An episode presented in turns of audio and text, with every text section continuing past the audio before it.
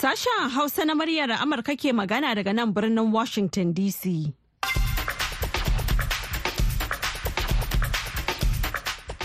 Jama'a masu sauraro Assalamu alaikum barkamu da wannan lokaci da fatan an waye gari lafiya. Maryam Dauda ce tare da Hauwa Sharif da sauran abokan aiki muke farin cikin gabatar muku da wannan shirin na safe a yau Alhamis 11 ga watan Janairu na shekarar 2024. To kafin ku ji abubuwan da muke tafa da su da farko ga kanan labarai. sakataren harkokin wajen amurka anthony blinken ya yi gargaɗi kan abin da ka iya zuwa ya dawo bayan da mayaƙan hutu da ke yaman suka kaddamar da wani gagarumin hari a kogin bahar maliya. Kwamitin tsaro na majalisar ɗinkin duniya ya yi allah waje da hare-haren da 'yan tawaye mayaƙan hutu ke kaiwa a kan jiragen ruwan da ke bi ta kogin bahar maliya. Haɗin kan da sojojin rasha ke yi da ƙasar koriya ta arewa domin ci gaba da yaƙin da take yi a ukraine. Na janyo allah wadai daga ƙasashen duniya A cikin shirin namu na yanzu za ku ji cewa rundunar 'yan sandan jihar Rivers a Najeriya ta tabbatar da mutuwar mutane goma sha ɗaya sakamakon wani hatsarin kwale-kwale da ya faru da yammacin shekaran jiya talata a yankin Andoni da ke tsibirin Boni. Sannan za ku ji cewa a wannan makon ne kotun ƙasa da ƙasa ta Majalisar Ɗinkin Duniya za ta fara zaman duba ko akwai buƙatar a samar da wani matakin wucin gadi a kan Isra'ila don ƙoƙarin dakatar da yaƙin da ke faruwa a Gaza. Bayan haka za mu kawo muku shirin domin iyali wanda ya tattauna akan kalubalen da wasu matan aure a jamhuriyar Nijar suka fuskanta a shekarar 2023 da ta gabata. Amma yanzu dai sai a gyara zama a saurari labaran duniya kashi na farko. Jama'a Assalamu alaikum barkanmu da asuba ga labaran mai karantawa Hauwa Sharif. A ƙoƙarin shi na baya bayan nan na ganin an kaucewa yaduwar yaƙin da ake yi a gaza sakataren harkokin wajen amurka anthony blinken ya yi gargaɗi kan abin da ya ka iya zuwa ya dawo bayan da mayaƙan hutu da ke yaman suka kaddamar da wani hari mafi girma a kogin bahar maliya. Blinken ya shaida manema labarai a babban filin jirgin saman bahrain na manama a ranar laraba cewa hakika sun samu hari mafi girma a jiya. Ya ce waɗannan hare-haren na an kai su ne da taimakon ƙasar iran da kayan aiki na kimiyyar zamani da bayanan sirri da ma sauran bayanai. Kuma shakka babu mutane na ji a jika. Ƙasashe sama da ashirin da suka hada da bahrain sun lashe takobin yin daren ga 'yancin bi ta ruwan na bahar maliya cewar blinken bayan tattaunawar shi da sarki hamad bin isa al-khalifa na bahrain. Kwamitin tsaro na majalisar ɗinkin duniya ya yi allah wadai da hare-haren da 'yan tawayen mayaƙan hutu ke kaiwa kan jiragen ruwan da ke bi ta kogin bahar maliya inda ya kiran da su gaggauta janyewa. Jakadar amurka linda thomas greenfield ta ce hare-haren da mayaƙan hutu ke kaiwa kan jiragen ruwan ƙasashen duniya ba wai barazana ce kawai ga sha'anin tsaro ba amma har da barazana ga tattalin arziki da haddasa karuwar farashin abinci magunguna da makamashi. A cikin wata yarjejeniyar daftarin kwamitin da ƙasashen amurka da japan suka rubuta mambobin kwamitin sun yi kiran da a gaggauta taka birki ga hare-haren suka kara da cewa hare-haren na haifar da cikas ga sha'anin cinikayya a duniya da yancin da damar su ta tafiya a kan ruwa da ma sha'anin tsaro da zaman lafiyar yankin. Wannan matakin dai na zuwa ne a matsayin martani ga jerin hare-haren da amfani da makamai masu linzami da jirage marasa matuki da tunkarar jiragen da ke tafi a kan ruwa. Da mayaƙan ke yi ta amfani da ƙananan jirage lamarin da ya dagula harkar tafiye-tafiye a kan ruwan mai matuƙar mahimmanci da ya haɗa ruwan yankin arabia da na mediterranean. Haɗin kan da sojojin rasha ke yi da ƙasar koriya ta arewa domin ci gaba da yaƙin da take a ukraine na janyo allah wadai daga ƙasashen duniya ciki kuwa har da kwamitin tsaro na majalisar ɗinkin duniya da rashan ke da wakilcin dindindin a cikinsa. A jiya laraba ne mambobin kwamitin tsaron na majalisar ɗinkin duniya da suka hada da birtaniya faransa japan malta koriya ta kudu slovenia amurka da ukraine suka yi allah wadai da mugan hare-hare uku ta sama da rashan ta kai a ranar talatin ga watan disamba bara da ranar biyu da shiga ga watan janairu. Kwamitin ya faɗa cikin wata sanarwa cewa an kai waɗannan muggan hare-hare ne a wani ɓangare ta yin amfani da makamai masu linzami samfarin ballistic da makaman da ke cilla makaman masu linzami samfarin ballistic da aka samo daga ƙasar koriya ta arewa. A makon jiya ne dai mai magana da yawun kwamitin tsaron ƙasar amurka john kirby ya shaidawa manema labarai cewa lalle waɗannan hare-haren sun yi kamari kuma abin damuwa ne matuƙa. Ana sauraron labaran daga nan sashen hausa na murya amurka a birnin washington dc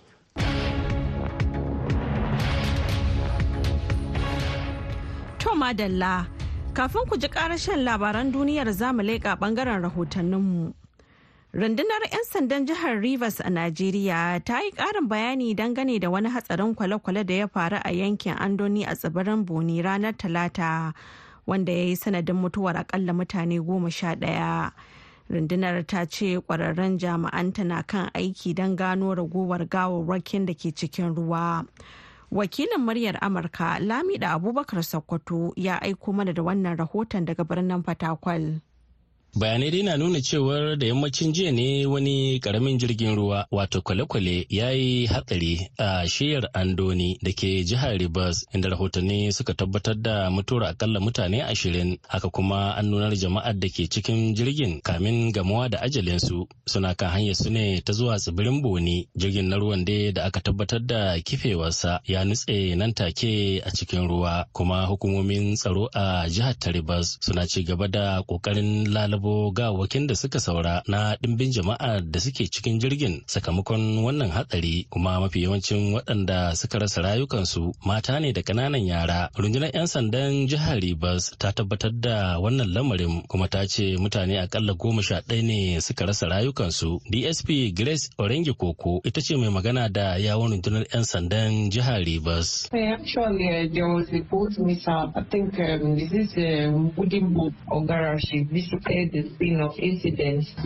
Tana cewa ne mun samu wannan labari na wani ƙaramin jirgin ruwa na kwale-kwale da ya taso daga garin al'ummomin Oka wato Andoni da ke jihar Tariba wanda ke kan hanyarsa ta zuwa tsibirin Boni. Jirgin dai ya kife da mutane nan take kuma sha ɗaya daga cikinsu sun rasa rayukansu sannan kuma mata ne da ƙananan yara sannan kuma ina son tabbatar maka da cewa mun tura jami'anmu da suke da ƙwarewa kan ruwa domin ganin cewa an ceto wasu gawawwaki da suke kan ruwa. Akwai dai bayanai da ke nuna cewa hatsarin jirgin ruwa na ƙara yawaita a sassa daban-daban na Najeriya. Musa Kilemin Ifeazu shine shugaban ƙungiyar direbobin jiragen ruwa ta ƙasa. Is equally responsibility of the boat owners and handlers to ensure that the life jacket that they even have are functional. Ire-iren waɗannan hatsarura a iya kauce masu muddin aka yi abin da ya kamata kuma lokacin da ya kamata ta hanyoyi biyu. Hanya ta farko dai ita ce a ɗauki matakan da suka kamata domin lodin da ake wanda ya wuce kima. Na biyu kuma a yi amfani da rigar kubuta daga gararin hatsarin jirgi musamman ga matafiya a sassa daban-daban na najeriya. Ita ma wata 'yar jihar rivers da ke tafiye-tafiye kan ruwa ta ce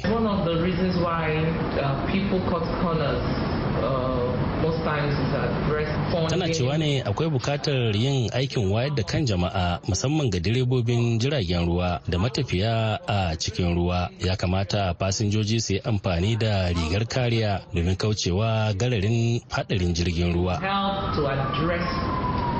Funding in that sector so much that it translates to the end users. Kungiyar masu jiragen ruwa ta Najeriya da ta ce hadarin jiragen ruwa a sassa daban-daban na Najeriya shine babbar matsalar da ke damunta. Domin kuwa a shekaru goma da suka gabata an tabbatar da rayuka dubu ɗari uku da ɗari da ashirin da uku sun salwanta kamakon hadarin jiragen ruwa a sassa daban-daban na Najeriya. Kuma ko a baya-bayan nan sai da mutane biyar suka rasa rayukansu sakamakon hadarin jirgin ruwa. A jihar Anambra da ke kudu maso gabashin Najeriya Lamido Abubakar Sokoto muryar Amurka daga Fatakwal, Najeriya.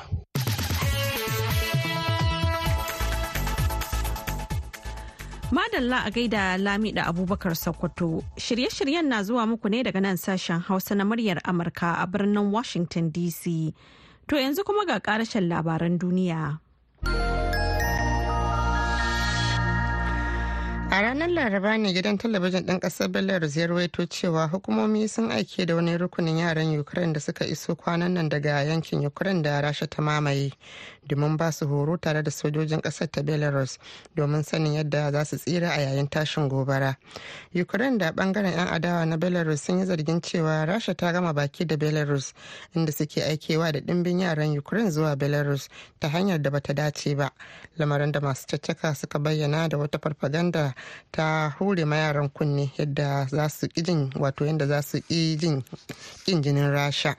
Rahoton na jiya laraba ya bayyana cewa 35 da yara 35 da aka ɗauko daga garin anstrais da ke gabashin ukraine da rashin ta mamaye inda hukumomin belarus suka ce sun aike da yaran zuwa garin moglev da ke kudancin belarus. Wata ƙungiyar amurkawa 'yan asalin afghanistan mazauna albani a birnin new york na nan amurka sun buɗe wata cibiyar al'umma domin taimakawa tsugunar da sabbin 'yan afghanistan din da suka shigo amurka. 'yan ƙasar ta afghanistan da suka tserewa ƙasar su bayan da taliban ta amshi iko a ƙasar a shekarar 2021 sun samu taimakon da ya tserar da su daga shingen tsarin dokokin shiga amurka domin fara sabuwar rayuwa a nan amurka. Mataimakin shugaban cibiyar al'amuran amurka wato amurkawa 'yan asalin afghanistan yusuf sharzad ya shaida wa murya amurka cewa a lokacin da gwamnatin afghanistan ta wargaje an samu karin 'yan ƙasar da suka riƙa yi wa amurka tsinki yadda gwamnatin amurkan ta gaza iyawa da lamarinsu abin da ya sa ya zama wajibi a taimaka musu ya ce sun ɗauki hayar wani wuri domin samar da matsugunni ga sabbin shigowa domin fara rayuwa a nan amurka.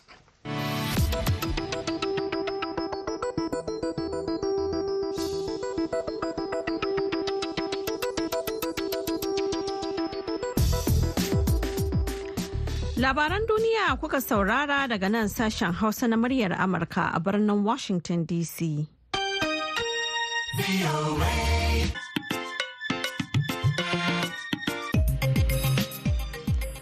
To yanzu kuma za mu sake komawa ɓangaren rahotanninmu. A wannan makon ne kotun ƙasa da ƙasa ta Majalisar Ɗinkin Duniya za ta fara zaman duba ko akwai buƙatar a samar da wani matakin wucin gadi akan Isra'ila don ƙoƙarin dakatar da yaƙin da ke faruwa a Gaza. Kate Bartlett da ke birnin Johannesburg ta bayyana tarihin yadda gwamnatin Afirka ta kudu ta daɗe tana goyon bayan al'ummar Falasɗinu. Gasar fila Hashim Gumel da fassarar rahotonta. Ƙasar afirka ta kudu ta je icg ko kotun duniya da ke hague tana tuhumar isra'ila da aikata kisan kiyashi a gaza. A ranakun alhamis da juma'a kotun za ta saurari muhawara daga ɓangarorin biyu sannan za ta yanke hukuncin kan ko za ta bayar da umarni na wucin gadi da zai dakatar da isra'ila kai hare-hare a gaza. Kilesan monyila kakakin sashen hulɗa da ƙasashen waje na afirka ta kudu ya bayyana dalilin da ya sa afirka ta kudu ta ɗauki wannan mataki. There are ongoing reports of crimes against humanity and war crimes. Ana ci gaba da samun rahotannin laifukan cin zarafin bil'adama da laifukan yaƙi da ake aikatawa da kuma rahotanni da ke nuna cewa akwai ayyukan masu daidai da matakan kisan kiyashi ko laifukan da ke alaƙa da shi.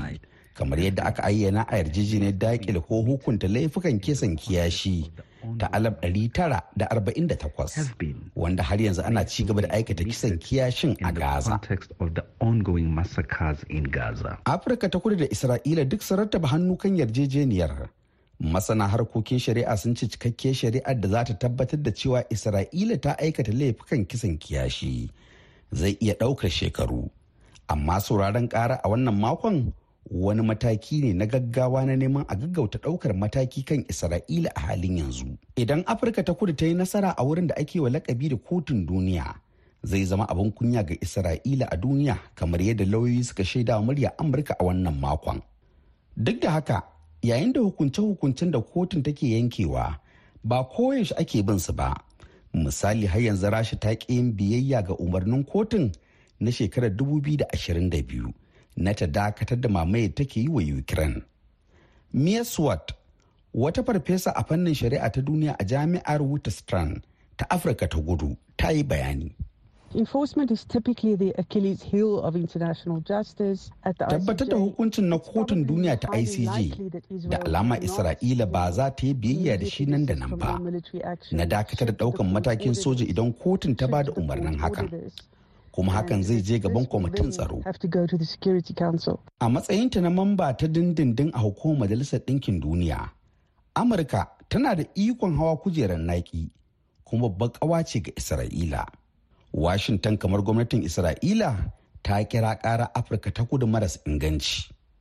Taimakon da Afirka ta kudu ke baiwa al'ummar Falasɗiniya daɗe, in ji Gerald Kemp, wani farfesa a fannin shari'a na jami'ar yammacin ingila bristol There's also an historic reason for this. The African National Har ila yau akwai wani dalili na tarihi. Jam'iyyar African National Congress da ke mulki a Afirka ta kudu tana daɗaɗin dangantaka da mutanen Gaza, Falasɗinawa. Don haka akwai muhimmin tarihin cewa Afirka ta hujishe a kan gaba wajen kai Isra'ila gaban kotun ICJ. Ita kanta jam'iyyar African National Congress ko ANC a takaici. Ta kasance a da an haramta mata gwagwarmayar neman yanci wacce ta jagoranci gwagwarmayar yaƙi da gwamnatin wariyar launin fata afirka ta kudu. Kuma ta ce tana ganin irin haka a cikin halin da falastinawa ke ciki. Tsohon shugaban ƙasar afirka ta kudu nelson mandela abokin tsohon shugaban falastinawa yasir arafat ne kuma ya yi fice wajen cewa 'yancin afirka ta kudu ba zai kammala ba har sai falastina sun samu 'yancin kansu. A gaida Sarfil Hashim Gumel da fassarar wannan rahoton. Har yanzu dai kuna tare da sashen Hausa na muryar Amurka a birnin Washington DC akan mitoci goma sha shida ashirin da biyar da kuma talatin da ɗaya. Yanzu kuma ga shirinmu na gaba. Ya Allah ya Allah na roƙa. Allah ni kai ne na roƙa baro ki ka don ka ba.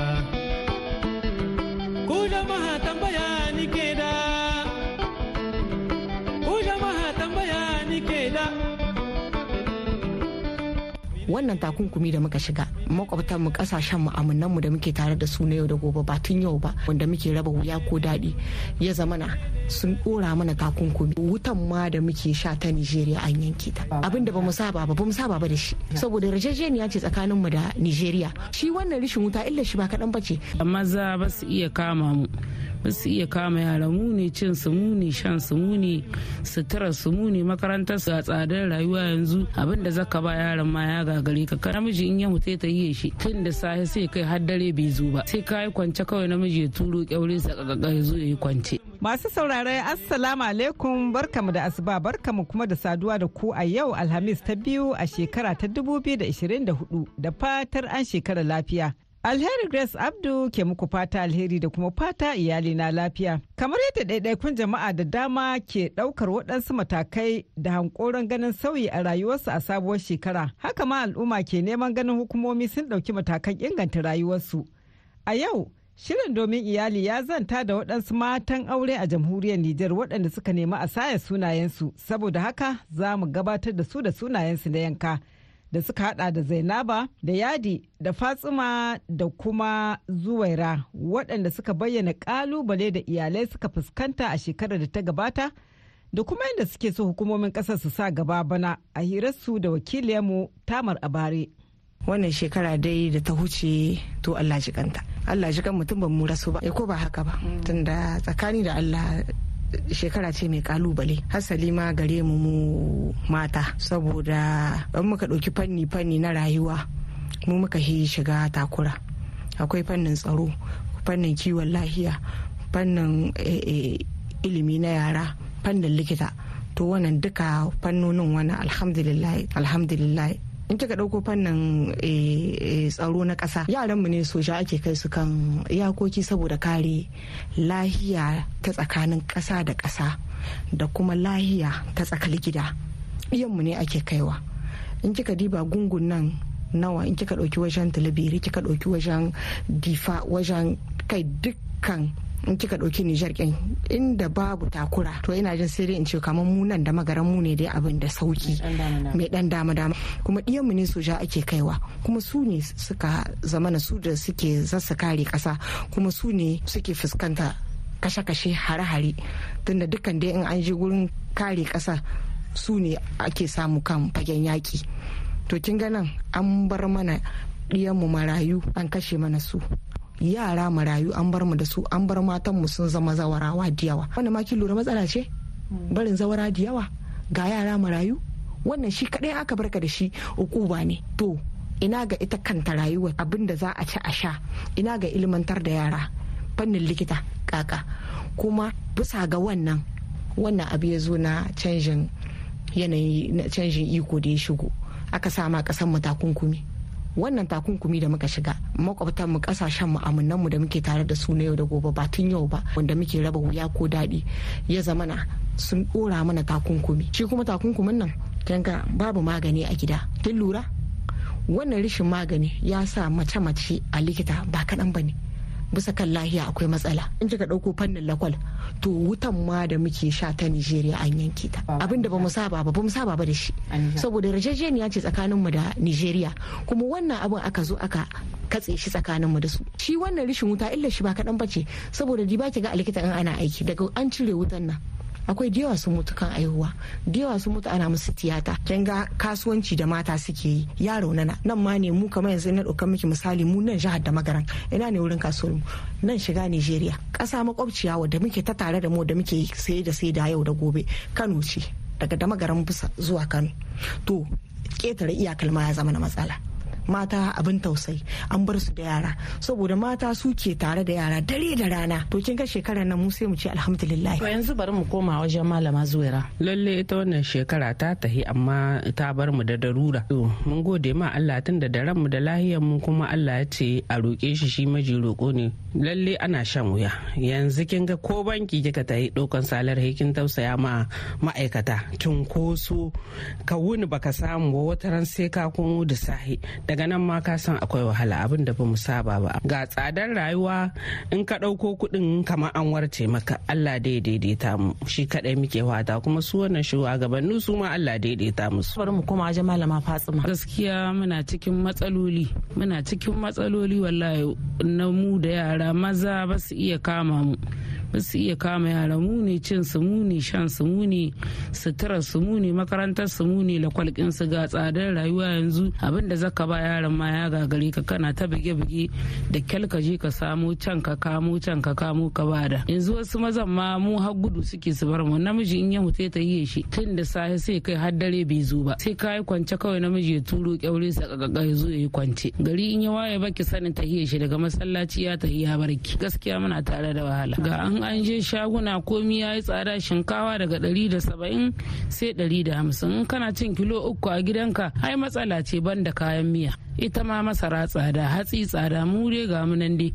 Kayan miya in kika je da dala ɗari ce wani biki san ba ma abin da zaki tsinto. Kawai dai ana nan ana rayuwa dai. Mu dawo sai yanzu kuma malama yabi. Bisa kan abin da zan mu na shekara wannan da ta huce ta cikin tashin hankali ta cikin bala'i da muka gani.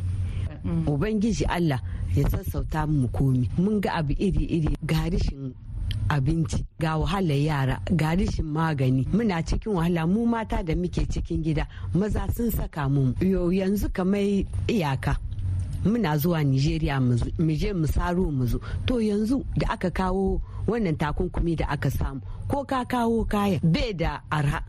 Dole in ka ce tsada zaka kuma halloki sayuwa. Kasuwa ita kanta ta yi tauri.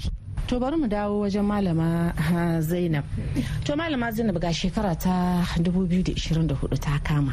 Kamar menene fatan ku ga waɗannan hukumomi da suka ɗauki mulki? Alhamdulillah tunda duk tsarabobin wannan da aka gani muna nan ba mu yi kasa a gwiwa ba. Alhamdulillah. A'a ba mu je ko ina ba wallahi ba mu yi kasa a gwiwa ba. Illa iyaka muna fata wannan shekara sabuwa da ta kama dukkan abubuwa na ukuba da aka shiga Allah ya sare mana. Kuma zai ya sare insha Allah saboda muna sa ran insha Allah tunda akwai tattauna da ake tsakanin magabata na kasa da kasa duka abin da ya zahi gaban shi huciya ko ba haka ba. Muna sa ran wannan shekara insha Allah bi iznillahi ta'ala kuma kamar yadda magabatan mu suka yi alkawali. Abin da ya kama wannan watan janvier zuwa fevrier za a samu ruwa da komi. To muna ga fata ga Allah subhanahu wa ta'ala ya sa mu ci nasara bisa kan wannan abu. Malama zuwa menene fatan ki zuwa ga hukumomi? Eh to fata na kamar yanzu zuwa ga hukumomi alƙawullukan da suka ɗauka talaka suna ta murna suna ta jin daɗi za a cika musu alkawali su yi ƙoƙari su cika kuma allah ta yasu. Kuma abu na biyu su kuma talakawa na addu'o'i da muke yi. A gida ne a daji ne a masallatayya na unguwa da na wata unguwa ma kaga ana yi ka tsaya ka yi. In yan nijar wanda ke wata ƙasa ma su kama da addu'a. Addu'a ce ta kai mu wannan fage kuma insha Allah ba za mu bari ba in Allah ya so ya yarda. Kuma za mu ƙara ci gaba. Allah kai mu gaba da mu da masu ikon mu insha Allah to malama Fatima. Mine da kiran ki zuwa ga hukumomi? Ni dai gaskiya magabatan wannan namu yanzu da suka rungumi mu muka rungume su. Muna fata ubangiji allah ya kara musu ƙarfin gwiwa. Ubangiji allah ya taya su riko su yi adalci mu dai a hudda mu daga wannan kangi yawa yanzu kuma na kewaye wajen malama ya bi to wannan sojoji da suka kama mulki. Muna roƙon ubangiji allah taya musu allah kama musu. Amma abin da muke so dan allah dan annabi a kama wa mata. Tunda mu ne gida mu ne komi kuma gashi muna cikin talauci fin mu da shi. Mu mata taimaka mu ta kowace hanya ce. In ta wata hanyar masana'antu ce na wani jari ne duka muna fata allah tilasta su ya taimake su su kama mana. Fatan wannan shekara sabuwa da ta zo ubangiji allah ya sa ta zame mu mai alheri. Ubangiji allah huda mu daga cikin kangin da muke ciki. Allah taimake su sojina ubangiji allah kama musu. To Allah dafa muku hajiya zuwaira kaɗan kenan daga cikin jerin ƙalubale da tsaka mai wuya da iyalai suka shiga a jamhuriyar Nijar da kuma matakan da suke son ganin hukumomin ƙasar sun ɗauka a wannan shekara domin inganta rayuwar iyali da ci gaban ƙasa. Nan kuma za mu dasa aya a wannan shirin sai mako mai zuwa mu nufi ƙasar Ghana domin jin yadda aka shekara da kuma inda iyali ke nema hukumomi su zagi damtse. Muna godiya ta musamman ga bakin namu mata iyayen giza Zainaba da Yadi da Fatsima da kuma Zuwaira. Sai wakiliyar mutamar abari da ta jagoranci tattaunawar da kuma Dadi Balawe da ya daidaita sautin shirin a madadin su duka alheri ke cewa Allah tabbatar mana da alherinsa. Kai mata su ne duniya, su ne daɗin duniya, mata su ne duniya, su ne sarakan duniya. Komi To kuna sauraron shirye-shiryen ne daga nan sashen Hausa na muryar Amurka a birnin Washington DC. Yanzu kuma ga takaitattun labaran duniya.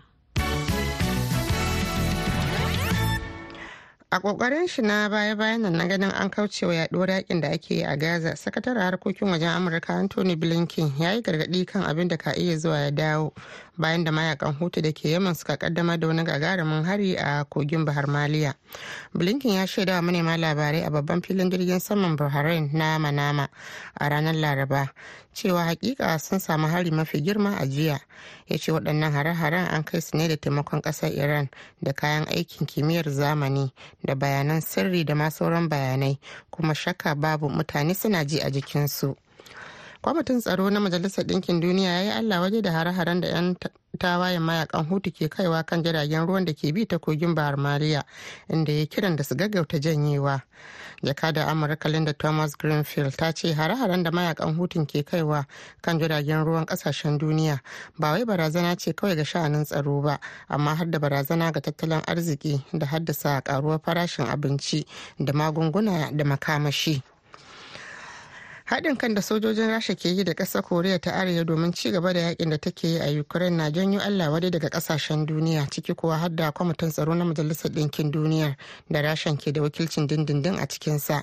A jiya laraba mambobin kwamitin tsaron na majalisar ɗinkin duniya da suka hada da birtaniya faransa japan malta koriya ta kudu slovenia amurka da ukraine suka yi allah wadai da mugan hare-hare uku ta sama da rashan ta kai a ranar 30 ga watan disamba bara.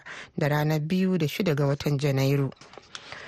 A ranar laraba ne gidan talabijin ɗan ƙasar belarus ya rawaito cewa hukumomi sun aiki da wani rukunin yaran ukraine da suka iso kwanan nan daga yankin ukraine da rasha ta mamaye domin ba su horo tare da sojojin ƙasar ta belarus domin sanin yadda za su tsira a yayin tashin wutar gobara. Ukraine da ɓangaren 'yan adawa na belarus sun yi zargin cewa rasha ta gama baki da belarus inda suke kaiwa da ɗimbin yaran ukraine zuwa belarus ta hanyar da bata dace ba lamarin da masu caccaka suka bayyana da wata ta farfaganda da hure ma yaran kunne yadda za su kaunaci rasha To ma sauraro da haka muka kawo ƙarshen shirinmu na wannan lokaci sai kuma can an jima da hantsi za ku ji mu ɗauke da wani sabon shirin. A madadin Hawa Sharif da ta taya na gabatar da shirin da Dadi Balawe wanda ya haɗa shirin da ba da umarni da ma injiniyan mu Charleston. Ni Maryam Dauda ke cewa ku huta lafiya.